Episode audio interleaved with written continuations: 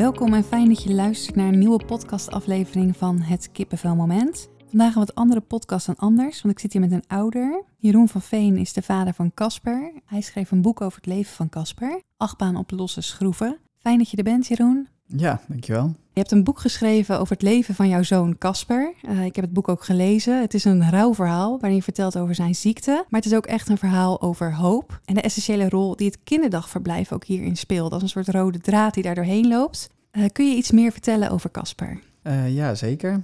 wat je zegt, het is nogal een verhaal. Casper is mijn zoon. hij is begin dit jaar overleden aan een hersentumor. En daar heb ik een boek over geschreven. Achtbaan op losse schroeven ja, ik ben blij dat ik hier uh, zit en het verhaal uh, over Casper kan vertellen en over zijn leven. Want uh, het, is, het is nogal zwaar en groot natuurlijk, maar het is ook een heel erg mooi warm verhaal. En we hebben ook echt gekeken van inderdaad, hoe gaan we dit in een podcast gieten? Hè? Sommige verhalen zijn bijna ja, te moeilijk om na te vertellen of te... Ja, het is, het, is even, het is echt even anders dan anders. maar jij wil vooral ook het gedeelte over dat het ook echt een verhaal met een verhaal vol hoop is. Hè? Een verhaal um, waarin jullie als ouders uh, mee mogen maken ook hoe belangrijk een kinderdagverblijf daarbij kan zijn, wat voor rol pedagogisch medewerkers kunnen spelen in dit verhaal van Casper. Kun je kort vertellen over uh, de ziekte van Casper? Ja, en heel goed dat je het aangeeft, want kinddagverblijf heeft echt een hele grote rol gespeeld in het leven van Casper. natuurlijk met de dag, hoe hij, hoe hij zich ja, voelde en hoe hij zich lekker vrij kon bewegen daar. En dat hij altijd welkom was. Maar ook uh, met wat de toekomst hem zou bieden. Want um, ja, Casper had een hersentumor. Daar kwamen we achter toen hij net een jaar oud was. En ik zeg we. En um, nou, ook in het voorgesprek over gehad. Eigenlijk, het kinderdagverblijf was op terugwerkende kracht. Als ik terugkijk, die gaf eigenlijk al de eerste signalen aan ons dat Casper die ging zich nou, iets anders gedragen. Hij werd wat drukker, een beetje wiebelig. Uh, zijn spanningsboog werd wat korter. En uh, ze kwamen bij ons, uh, klopten ze aan en zeiden ze ja, dat ze graag een keer uh, een specialist ernaar zouden willen laten kijken. Nou, wij vonden dat natuurlijk een hartstikke goed idee en maakten ons totaal geen zorgen. Dus ehm, nou, dat zou eigenlijk moeten gaan gebeuren. En dat was eigenlijk de eerste, de als ik dus, wat ik zeg, als ik terugkijk, het eerste moment dat, we, ja, dat, dat het eigenlijk begon. En nou, uiteindelijk heeft er nooit een specialist naar gekeken. Want ehm, Casper die eh, werd ziek. We dachten toen destijds aan een buikgriep. En dat duurde wel een paar weken, op en af. Waarbij die uh, soms ook weer hartstikke goed ging. ook geen koorts had, dus dat was wel apart. Maar waarbij de huisarts er ook zei, en het kinderdagverblijf ook, van nou ja, ja het, het, het, het, het gaat hier rond. Dus hou hem maar even een dagje thuis. Maar soms ging het, ging het echt dagen goed. En dan als we in de kinderwagen nou, bijvoorbeeld zijn grote broer van het kinderdagverblijf haalde, dan moest hij toch weer spugen.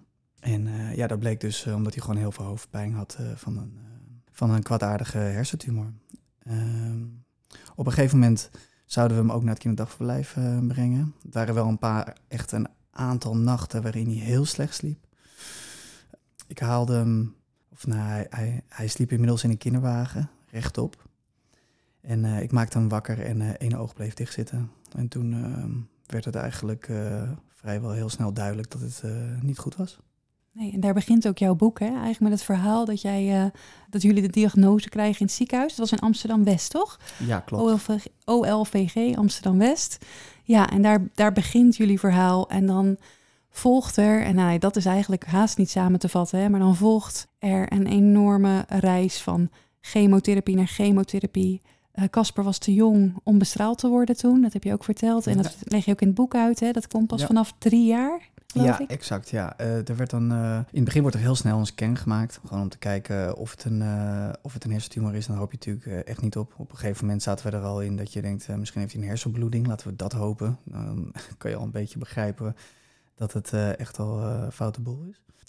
maar de eerste scan liet toch gelijk zien dat het niet goed was. En daarna krijg je, zijn we naar een ander ziekenhuis gegaan om een betere scans te maken. Nou, daar bleek dat, het, dat het 8 centimeter was. Dat heb je wel eens vaker bij eh, eh, kleine kinderen. Omdat eh, het hoofdje nog niet helemaal volgroeid is en de fontanel nog niet dicht zit. Ja, daarna is er gelijk acuut sprake van zo snel mogelijk opereren. dan nemen ze een klein stukje, dat zetten ze op kweek om te kijken wat, er wat voor soort kanker het is. En ja, dit is allemaal heel erg snel verteld, maar na een week en na de operatie, die gelukkig goed was verlopen, bleek dat, ehm, dat de vorm ook zeer kwaadaardig was. Het zit nog in verschillende gradaties en dit was ook weer de hoogste gradatie. Nou ja, wat je zegt, dan is de achtbaan wel begonnen en begin je eigenlijk gelijk, ehm, gelijk in, het, in het diepe. En is er geen weg meer terug. En zij ben ik bijvoorbeeld de eerste tien weken, mm, acht weken lang in het ziekenhuis geweest. In verschillende ziekenhuizen. Ja, ik vind het mooi om het over het kinderdagverblijf te hebben, omdat uh, zij dus eigenlijk het allereerste signaal oppikte. We hebben ze toen laten weten uh, wat er aan de hand was. Zij schrokken zich natuurlijk ook helemaal uh, kapot. ze waren de eerste die s'avonds met een enorme teddybeer voor de deur stonden.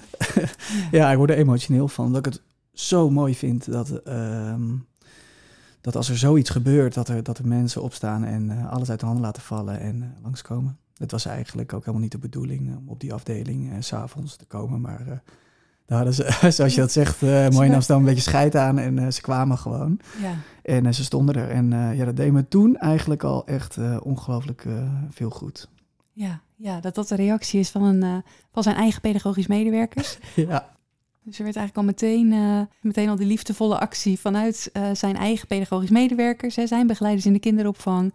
Die wilden hem gewoon graag zien, ondanks dat dat misschien toen nog niet helemaal gewenst was door het ziekenhuis zelf. En hoe was dat voor jou om hem te zien? Ja, ik vond het uh, heel mooi. En, ja, ik, had het ook niet gemeld, dus het was echt een verrassing. En, maar het was wel een van de eerste signalen dat dus de wereld ons ging helpen om ja, voor Casper gewoon zo mooi mogelijk leven te maken voor hoe lang het zou duren. Bij ons werd er ook gezegd, ik denk dat dat uh, ook rond die tijd was, dat, uh, dat de kans heel erg klein was dat Casper oud zou worden. Maar dat er wel uh, een kansje was. En dat gaat dan rond, ligt rond de 1%. En ehm, dat ze daardoor ehm, ja, hem wel gingen behandelen. En daar vol voor gingen. Dus we werden zo snel mogelijk aangemeld bij het Prinses Maxima Centrum in Utrecht. Dat is het ehm, Europees Centrum voor Kinderoncologie. En uh, ja, daar begon uh, de, uh, het plan. Er werd een plan gemaakt om ervoor te zorgen dat Casper drie jaar oud zou worden. En daar had je het over. Eh, de vorm van kanker bij Casper en waar het zat en hoe jong hij was, ja, was niet goed. Dus eigenlijk bij wat oudere kinderen en bij vooral volwassenen behandelen ze dat niet. Is er een heel slagingskans, maar bij kinderen zie je heel soms dat er, als hij bestraald wordt, uh, dat, dat, dat het toch aanslaat op een of andere manier. Ze weten niet exact waarom, maar dat zou kunnen. Nou ja, je kan niet zomaar bestralen een heel jong kindje, uh, vooral niet in de hersenen. Dan uh, het zou meer schade toebrengen. Dus daarom werd er een plan bedacht om chemo's te geven. En dus niet om, het, om daarmee de kanker weg te laten halen, maar om tijd te rekken. En daar komt het volgende hoe zeg je dat? Volgende probleem. eigenlijk met deze vorm zou chemo nooit aanslaan. Maar heel, ook in dit geval, heel af en toe vonden ze cijfers van ergens een jongetje, ik geloof in Canada en in eh, Amerika, waarbij het toch aansloeg. Ze zijn altijd heel realistisch geweest daarin. En uh, ja, dit klinkt allemaal heel zwaar. Is natuurlijk ook heel zwaar, maar het goede is wel om te vertellen, is dat we daar uh, twee kansen voor hadden. Twee kansen van tien weken, waarbij ze nou, vijf, vier of vijf soorten chemo's via alle soorten manieren aan Casper gaven. Dus via zijn hoofd, via zijn slagader. oraal gaven wij het thuis. En ehm, de eerste keer werkte dat niet. Kregen we dus een telefoontje dat het, ehm, ja, dat het niet aansloeg. En eigenlijk gewoon wat ze dachten. En, uh, maar zeiden ze, we gaan het nog een keer proberen. Met een soort Franse methode noemden ze dat. Met een paar verschillen.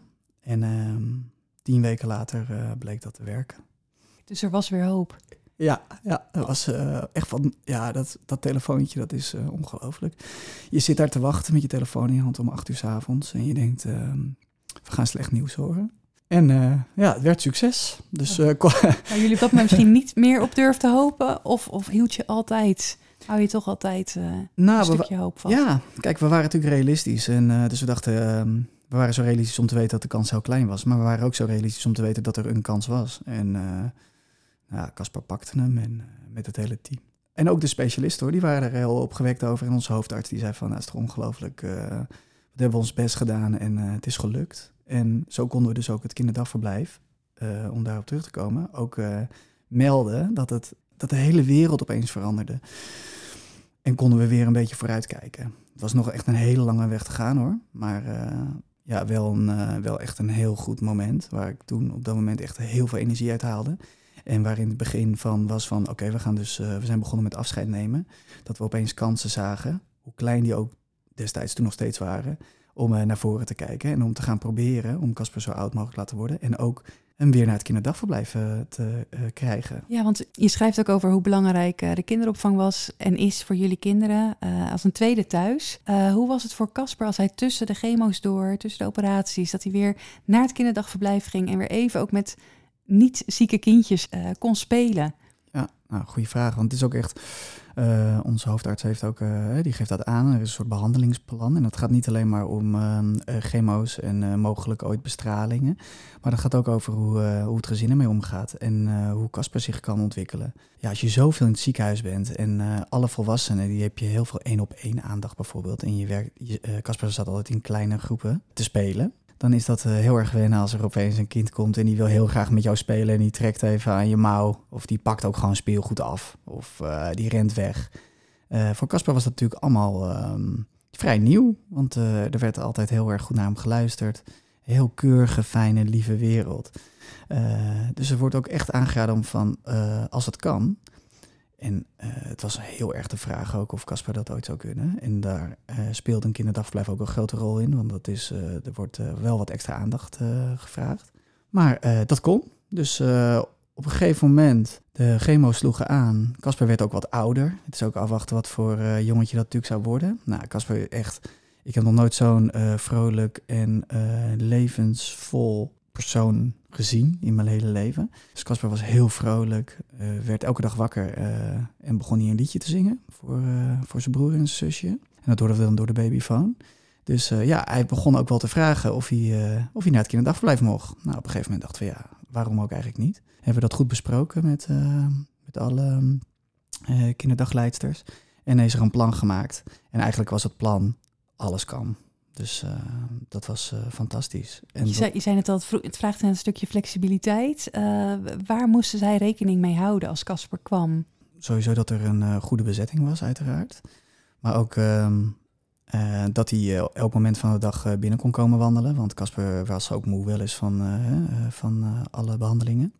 Dus dat hij dan wat later kwam. En dat hij wat, misschien wat eerder werd opgehaald. Casper had soms, uh, kreeg hij uh, chemo en dan had hij ook, ja, dat noem ik dan een chemoluier. Dus dan moesten ze met een handschoen en moesten ze hem uh, verschonen. Dus dat is natuurlijk ook belangrijk of ze dat willen. Als Casper zou moeten spugen, dan was dat chemospuug. dus we hebben een mooi plan opgesteld hoe we dat, hoe, hoe dat met extra kleding. En dat gebeurde niet zo heel vaak, maar er was natuurlijk altijd wel een kans dat het zou kunnen gebeuren. En dan moet je wel weten hoe je daarop moet reageren. En, ehm, en aandacht kijken we en af en toe met de schuinoog iets beter opletten hoe Casper zich zou gedragen. Hij kreeg ook medicijnen, bijvoorbeeld tegen pijn, maar ook uh, vochtafdrijvers. En sommige medicijnen hebben nogal agressieve bijwerkingen, waarbij je zelf ja, heel erg onrustig kan worden. En dus er ook dat goed in de gaten te houden. Want er zijn natuurlijk nog veel meer kinderen bij het kinderdagverblijf en die moeten daar, ja, die moeten daar absoluut niet de dupe van worden. Dus als Casper zich goed voelde, dan kon hij heen. En als hij uh, even zijn draai niet kon vinden, dan bleef hij uh, lekker thuis. Of werd hij opgehaald. En uh, zo konden we daar dus heel erg goed mee omgaan. En, en hoe was het voor Casper zelf als hij naar het kinderdagverblijf ging, zeg maar? Ja, een groot feest. Ja? Ja, ja. Casper die werd ook, naarmate hij ouder werd, steeds slimmer. jong, bleek een heel slim jongetje te zijn. Dus hij vond het leuk om zichzelf van alles aan te leren.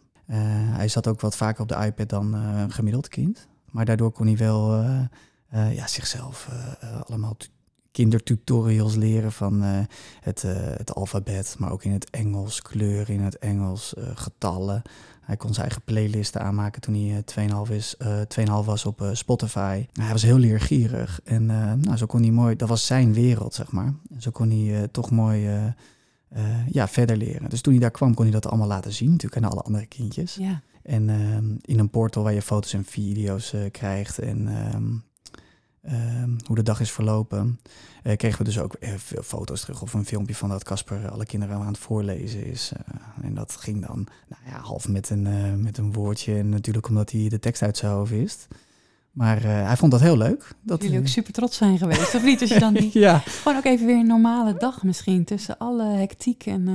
Ja, ja, fijn. Ja. ja. en hij kijkt natuurlijk ook... Uh, in die tijd keek hij echt ook natuurlijk naar zijn broer op. En die, die ging ook eerst nog naar het kinderdagverblijf en daarna naar school. En hij dacht, ik wil ook. En papa, ik wil mee. Waarom mag ik niet mee? Dus dat hebben we langzaam uitgebouwd. En het ging van een paar uur Nadat hij uh, een paar uurtjes uh, bleef in de middag en daar kon slapen. Dat ging ook allemaal heel erg goed. En dan werd hij wakker. Dan was hij weer fit genoeg om nog een paar uur. En zo werden de dagen eigenlijk steeds langer. En kon hij opgroeien als een, ja, als een eigenlijk tussen aanhalingstekens een gewoon kind. Dat is uh, ja, dat is wel fijn. Ja, ja, zeker. En ook fijn dat, uh, dat je ook voelde dus dat er echt uh, dat het kinderdagverblijf zich eigenlijk ook om jullie heen vormde. Hè? Van wat heeft Casper nodig? En uh, daar gaan we in mee, zeg maar. Ja. Dat is, nou ja, en dat is ook even de reden waarom je hier zit. Hè? Dat is, dat is het bijzondere, het verhaal wat jij wil delen. Van hé, hey, zo'n kinderdagverblijf kan degelijk het verschil maken. Als je als ouder zelf door een hele moeilijke periode gaat. Of het kindje zelf natuurlijk ook. Ja. Dat dat echt. Um, nou, zeker. Dat je echt een partner kan zijn. We noemen het als partners in de opvoeding. Ja. Maar in dit geval was dat, is dat ook echt zo geweest? Ja, absoluut. Ik uh, vergelijk het als met een Formule 1-team. En uh, nou, wat is begonnen, zeg maar op de eerste keer dat zij zo stiekem het ziekenhuis binnenkwamen na uh, vijf dagen. Zo schaarde iedereen zich, zich om ons heen. Dus ehm, vrienden, familie, maar kinderdagverblijf zijn een heel groot puzzelstukje daarin. Ook school. Casper die, die heeft altijd een vaste begeleidster meegekregen, die ook meeging. En die was in het begin ehm, was zij volgens mij van Okido. Uh, maar later, ik weet inmiddels, want ik heb wel goed contact met haar, dat ze nu ook echt bij de kleine wereld is aangesloten. Dus zo wordt dat allemaal ingericht, goede gesprekken. En zo voelt het ook heel fijn uh, heel, en heel veilig om Casper uh, dus ook daar gewoon heen te brengen. Omdat we zulke goed en warm contact hadden. Dus ja, anders had ik het ook niet gedaan. Nee, ik wil zeggen, het moet voor jullie als ouders ook veilig voelen. met wat je ook zegt, wel de medicatie die die neemt. maar ook... Ja, zeker. Ja, er zijn toch dingen waar gewoon rekening mee moet worden gehouden. En dat uh, gebeurde gelukkig. Ja. En wat jullie misschien uh, nou, in het begin zeker niet durfden te hopen, gebeurde wel. Casper werd drie. Ja. Ja. Toen kon hij bestraald worden. Ja, klopt. Ja. De, waarin de chemo's in het begin aansloegen, uh, kregen we ook te horen dat er een experimenteel medicijn op de markt kwam, waar ze al een paar testen mee hadden gedaan. Nou, dat is een beetje een ingewikkeld verhaal over eiwitten en hoe dat werkt. Op uh, wonderbaarlijke manier was Casper daar ook vatbaar voor. Dus die hadden we nog achter de hand. Op een gegeven moment werd hij drie en kon hij bestraald worden. Nou, dat was, dat was fantastisch. En dat, die tijd hebben we dus eigenlijk weten te rekken met chemo's en met dat experimentele medicijn. Nou, het dagverblijf, die, die zat er heel kort op, heel, heel fijn. met bijna ja, dagelijks even een update van onze kant, maar ook vanaf hun kant toen hij drie was, kreeg hij dus dat, uh, nog steeds dat experimentele medicijn. Omdat het zo goed werkte, konden we dat zelfs nog oprekken. Waardoor hij eigenlijk een hele fijne tijd heeft gehad. Uh, waarin hij uh, niet veel voelde.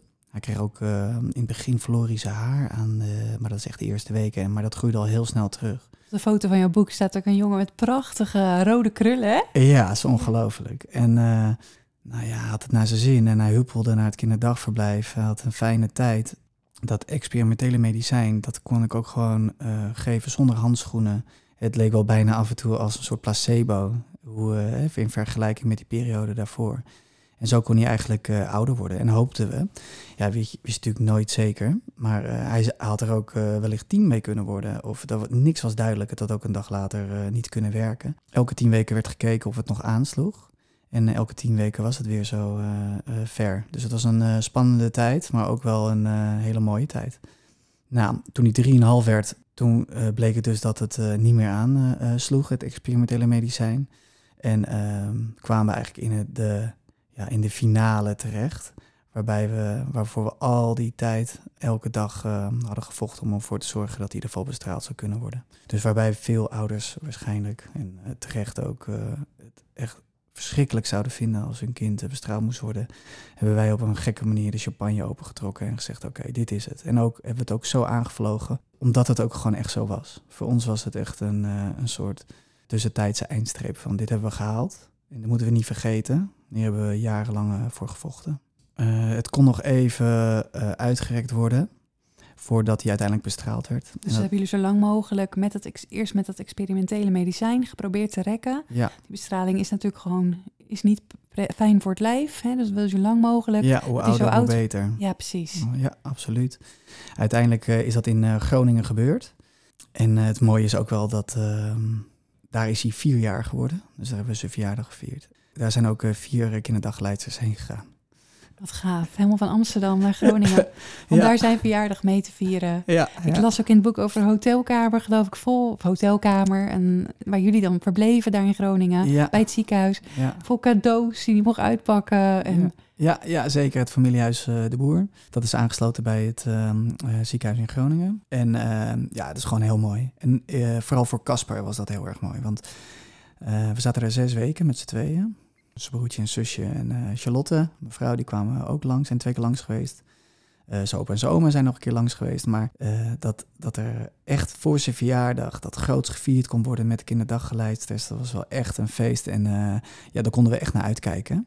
En ook in die zin was Casper dan toch weer echt het voorbeeld die het voortouw nam. Want ondanks dat hij elke dag bestraald moest worden, waardoor je elke dag onder narcose moet en elke dag daarvoor de narcose dus niet mag eten, uh, was hij uh, het vrolijkste jongetje van Groningen. En, uh, heeft Nog steeds, ondanks alles. ja, ja, ja, ongelooflijk. Ja, hij heeft er echt een feest van gemaakt. En ehm, cadeautjes gekregen, spelletjes gespeeld. En um, ja, konden we zijn verjaardag... kon hij heel, heel even, een klein beetje vergeten dat hij ziek was. Hij werd natuurlijk ook ouder, hij had meer door. Hij snapte steeds meer wat er aan de hand was. Maar die vierde verjaardag, die pakte niemand meer van hem af. En je zei ook nog iets in het boek over uh, uh, dat ook de kinderen van het kinderdagverblijf, die hadden iets gemaakt, geloof ik. Een boek met tekeningen. Ja, Was klopt. ja. ja. Ja, ja, alle kinderen die zijn natuurlijk ook heel erg betrokken bij zo'n uh, situatie. En ook moeilijk, want het zijn natuurlijk ook hele jonge kinderen. En leg ze maar eens een keer uit wat er aan de hand is. En um, aan Casper zag je inmiddels voor de rest niet zo heel veel meer dat hij ziek was. Want wat, wat, we zeggen, die grote rode bos krullen, die zorgde er ook voor dat de wereld ja, ook een beetje anders naar hem ging kijken. En op een hele positieve manier, want waar hij in waar hij in het begin toch ook wel blikken op zich kreeg. En uh, mensen uh, ja, toch dachten, oeh, wat zou er met dat jongetje aan de hand zijn? Dat is nu, hé, hey, wat een vrolijk uh, jongetje zeg. En wat heeft hij toch praatjes? En oh, kan hij al, kan hij al een beetje Engels? Of kan hij al zoveel cijfers? Want hij zei bijvoorbeeld ook, bus 274 komt eraan. En dan, ja, dan kreeg hij dus iets heel positiefs. Want alledaags was er eigenlijk door verweven, door een situatie die zo niet alledaags is. Toch ja, ja. ook een, gewoon een kindje wat zich ontwikkelt, wat de wereld om zich heen leert kennen. Ja. ja. en dan kreeg hij dus elke dag hele positieve uh, verhalen. En dat is zijn wereld. Nou, hij kreeg dus ook boeken van, uh, inderdaad een mooi boek hadden ze gemaakt van het kinderdagverblijf met alle kindjes, met verhalen. Hij vond Dikkertje Dap het liedje fantastisch mooi en dat zong hij elke dag en had daar boeken van. Nou, hij kreeg dus een, uh, een boek van alle kinderen waar ze, in ze allemaal mooie tekeningen hadden gemaakt over Dikkertje Dap en het hele verhaal met foto's. Maar ook uh, filmpjes bijvoorbeeld, die we op zijn iPad zetten, waarbij de kinderdagleiders en ook wel sommige kinderen van het kinderdagverblijf, zijn vriendjes, ook gewoon iets vertelden over de dag of wat er gebeurd was. Waarbij ze dus niet allemaal zeiden zet hem op of zo. Maar gewoon, eh, vandaag zijn wij op het kinderdagverblijf. Zijn alsof hij er een beetje bij is. Ja, zijn we aan het knutselen. En kijk Casper, dit zijn we aan het doen. En uh, kun je ons wat laten zien? Nou, en dan maakte ik ook een filmpje en stuurde ik dan weer op. Dus uh, ja, heel mooi, heel mooi. Zo bleven ze toch bij ons. Ja, ja, wat bijzonder. En uh, nee, je geeft ook in je boek uh, uitgebreid een hoofdstuk, geef je ook uh, besteed je aan een feest wat werd georganiseerd. En dat vind ik wel een heel bijzonder verhaal. Ja, het is echt één lofzang wat betreft het kinderdagverblijf. Maar ja, ik kan er ook niks aan doen. Het, was, het, is, het is zo gegaan en hartstikke mooi. We zijn ook heel blij mee, want ja, Casper ehm, werd bestraald. Um, daarna moet er gekeken worden of het, is, of het aan, heeft aan is geslagen. Dat duurt denk ik ook een week of acht of tien. En in die tussentijd, bestraling werkt eigenlijk zo dat het uh, altijd uh, uh, een hele hoop weghaalt. Dus het, je hebt geen druk meer in je hoofd. Je voelt er totaal niet van dat je kanker hebt. En dan is de vraag of het terugkeert. Dus als er ook maar één cel is, dan is dat slecht nieuws. Voor Casper zeker, het was zijn enige kans. En als, het, als er ook maar één cel zou zijn, ja, die zou zich vermenigvuldigen. En dan zou de tumor terugkomen. En dan uh, is dat eigenlijk het bewijs dat bestraling niet werkt. Maar in die tussentijd, dat hij vier jaar was en weer uh, nog even naar het kinderdagverblijf uh, kon, in de zomerperiode is een groot feest gegeven. Ja, hebben ze alles aan gedaan om hem fantastische afscheid te geven eigenlijk. En naar school te kunnen laten gaan. Nou, dat was niet klein met een beetje koekjes bakken. Maar dat was de avond daarvoor werden we uitgenodigd om daar te eten. Hebben ze een mooi, mooi diner voor ons gemaakt. En de volgende dag werd de deur geopend. En dan was uh, iedereen uh, was eraan bezig, alle ouders, kinderen, gesminkt. Er was een ehm, kleine kinderboerderij eh, neergezet, maar ook een springkussen. Er was een, eh, zo'n, eh, ja, hoe noem je dat? Zo'n, Ja, ja, zo'n enorme band, zo'n restband. Ja, En er werd met eh, trommels, want Casper vindt trommels het allermooist. En eh, die stonden daar in de binnentuin te spelen. Ja, echt fantastisch. Heel, heel erg mooi. Heel warm, heel fijn. Er was echt nog veel meer. er werden echt spelletjes georganiseerd. Alles werd uit de kast gehaald om het een mooi afscheid te geven. En om er iets moois van te maken, iets positiefs. En zo, met zijn spullen in zijn hand... En een enorme grote glimlach eh, liep hij het kinderdagverblijf uit om eh, naar school te kunnen. Wat natuurlijk in eerste instantie altijd het plan is geweest om ervoor te zorgen dat het kinderdagverblijf hem zo klaarstoomde, samen met eh, zijn begeleider, ja, dat, hij, dat hij naar school kon. Dus dat hij eh, eventjes, eh, bij wijze van spreken, even stil kon zitten. ja. Dat hij het... eh, Sociale, sociaal-emotionele vaardigheden. ja, het- alles, de- alles. Dat hij aan kon geven als er iets aan de hand was. Maar ook bijvoorbeeld dat hij zindelijk zou worden. Want eh, ja, dat heb je, heb je ook, dat je dat iets later eh, gaat doen. Want er zijn wel andere zorgen. Maar hij werd echt perfect afgeleverd. Met, en vooral met een grote glimlach zwaaide die en eh, bedankte die iedereen. Ik heb een quote uit jouw boek heb ik uitgezocht. Wat ik eigenlijk even wilde voorlezen. Ook om, het, ook om de luisteraar het idee te geven van... hé, hey, dit is ja, de essentie van het verhaal over hoe kleine dingen kunnen zorgen voor onwijs groot geluk. En dingen die we misschien als vanzelfsprekend nemen. Nou hebben we het hier net over, dat was niet eh, voor eh, besproken of iets. En dit is ook het stuk wat jij hebt voorgelezen op de uitvaart van Casper. Ja, klopt. Dus ehm, nou ja, dat is dat. Ja, je zei het zelf ook al even. eh, dit, dit was voor jou ook de essentie die misschien wel samenvat waar dit verhaal over gaat. Ja, Het leven tussen hoop, vrees, maar uiteindelijk het. Eh, hoe, hoe, wat, je, wat je net zei, even buiten de luidsprekers, om, hoe ontzettend mooi het leven kan zijn. ja Met die kleine geluksmomenten die eigenlijk heel groot zijn. dat is het. Ja, ik lees het eh, voor. Eh dat gaat over dat Casper voor het eerst naar school gaat. Het geluk van vandaag is iets anders. Nu is het zover. Vandaag ontsnapt Casper niet aan de dood. Vandaag breng ik hem voor de eerste keer naar school. Vandaag zet hij een stap vooruit. Gewoon zoals elk doodnormaal kind dat doet. Dit is van alle momenten van de afgelopen jaren, nee van alle momenten uit mijn hele leven het allermooiste. Na al die ellende van prikken, vasthouden en niet loslaten. De honderden taxiritjes naar chemobehandelingen en tientallen MRI-scans die allemaal goed moesten zijn. De gehoortest omdat een van de chemo's hem doof kon maken. Alle keren spugen van de misselijkheid. Alle tranen van verdriet. Het zenuwslopende afwachten tijdens de uren en urenlange operaties. De slapeloze nachten. Het niet eten voor de inmiddels ontelbare narcoses. De zes weken bestraling. Het was het allemaal waard. Alles. Allemaal. Met een mes in mijn ene en een kuipje margarine in mijn andere hand besef ik dat deze maandagmorgen het mooiste moment uit mijn leven is. Nu, hier, nu. Wat kan geluk toch dood eenvoudig zijn? Ja, Ja. ongelooflijk hè, als iemand anders het ehm, voorleest. En ehm, nou, ik ben blij dat je het hebt gedaan. Echt, eh, ja, fantastisch. Ik heb dit dus eh, ook op de ehm, uitvaart van mijn zoontje voorgelezen. Omdat het hierover gaat. Het gaat eh, over, ehm, over hoe je het leven ziet, hoe je de dag ervaart. Afgelopen jaren heb ik zulke extreme ja, dingen meegemaakt. En dan is het toch dat kuipje margarine en dat mes... ja, je ziet het opeens voor je. Ik ben natuurlijk ook... vandaag ben ik ook gewoon weer eh, eh, met, met, mijn- met Doris en met eh Brent op stap.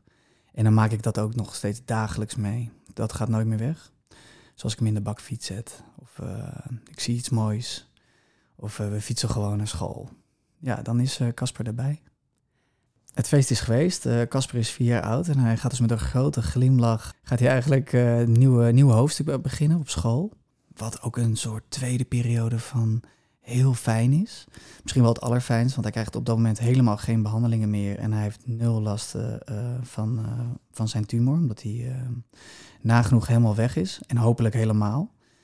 Het is ook een tijd van wachten. Dus voor ons, voor mij en Charlotte als ouder, is dat, was, dat, was die periode iets anders. Maar het was hartstikke mooi om te zien dat hij zo vrij kon bewegen. Op een gegeven moment eh, komt die dag dan eh, dat we een telefoontje krijgen waar, eh, waar ze laten weten of de bestraling heeft gewerkt.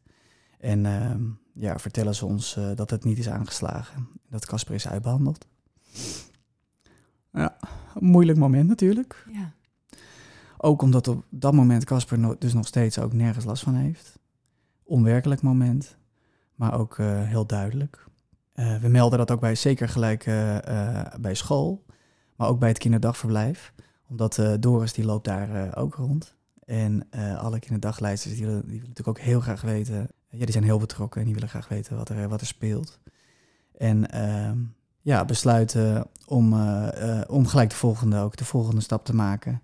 En te kijken hoe we dan zo goed mogelijk het laatste hoofdstuk in kunnen gaan. Ze hebben daar begeleiders bij gezocht, informatie ingewonnen, hoe je, dat doet als kinderdagverblijf. Met alle kindjes die daar, die hebben natuurlijk Casper goed weg zien gaan, dus dat was een uh, groot voordeel.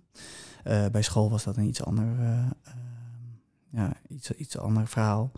Maar in goede samenspraak, want zijn broer Brent, die heeft ook daar vier jaar bij het kinderdagverblijf rondgelopen en inmiddels ook naar school. En de begeleider, begeleidster van Casper, was, dat is ook wel goed om te vertellen. Ja, ook een hele goede samenspraak. Eerst kinderdagverblijf en daarna meegegroeid. En uh, is uh, uh, met Casper eigenlijk ook naar school gegaan. zij begeleidt allemaal kinderen die wel wat extra hulp kunnen gebruiken. Op wat voor manier dan ook. Heel klein of relatief klein. Ja. En een wat grotere drempel of wat grotere stappen. En wat meer hulp nodig hebben. Ze hebben daar een, ehm, de begeleidster. Die heeft uiteindelijk een boekje gemaakt. Samen met, met de juf van uh, van Casper en de oude juf van Brent. En die hebben dat samen weer gedeeld met kinderdagverblijf. Uh, zo konden ze de kinderen op een eigen manier, wat zo helemaal op maat gemaakt was, uh, ja, een soort verwerking en een soort rouwproces doorgaan. En ook de ouders van de kinderen van het kinderdagverblijf werden daarin meegenomen. Er zijn avonden georganiseerd ja, om het uit te leggen en om te kijken wie daar hulp bij nodig zou moeten hebben. En of er überhaupt hulp nodig was. Dus er is een hoekje, een gedenkhoekje gemaakt uiteindelijk toen Casper eh, kwam te overlijden. Er zijn daar uh, meerdere begeleiders uh, bij de uitvaart aanwezig geweest. En die hebben ook uh, Doris en Brent daar heel goed in kunnen steunen. Toch bekende gezichten. Ja. Dus dat is ook mooi. En die hebben ook iets verteld over hoe Casper, ja, wat voor fijne tijd hij daar heeft gehad. Hey, tijdens de uitvaart. Ja, ja. ja, ja. dus dat is ook heel mooi.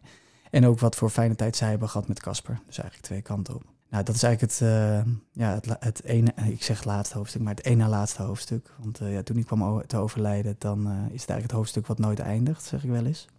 We hebben nog steeds heel erg goed contact met ze, omdat Doris is inmiddels 3,5. Dus heeft nog een half jaar het kinderdagverblijf te gaan.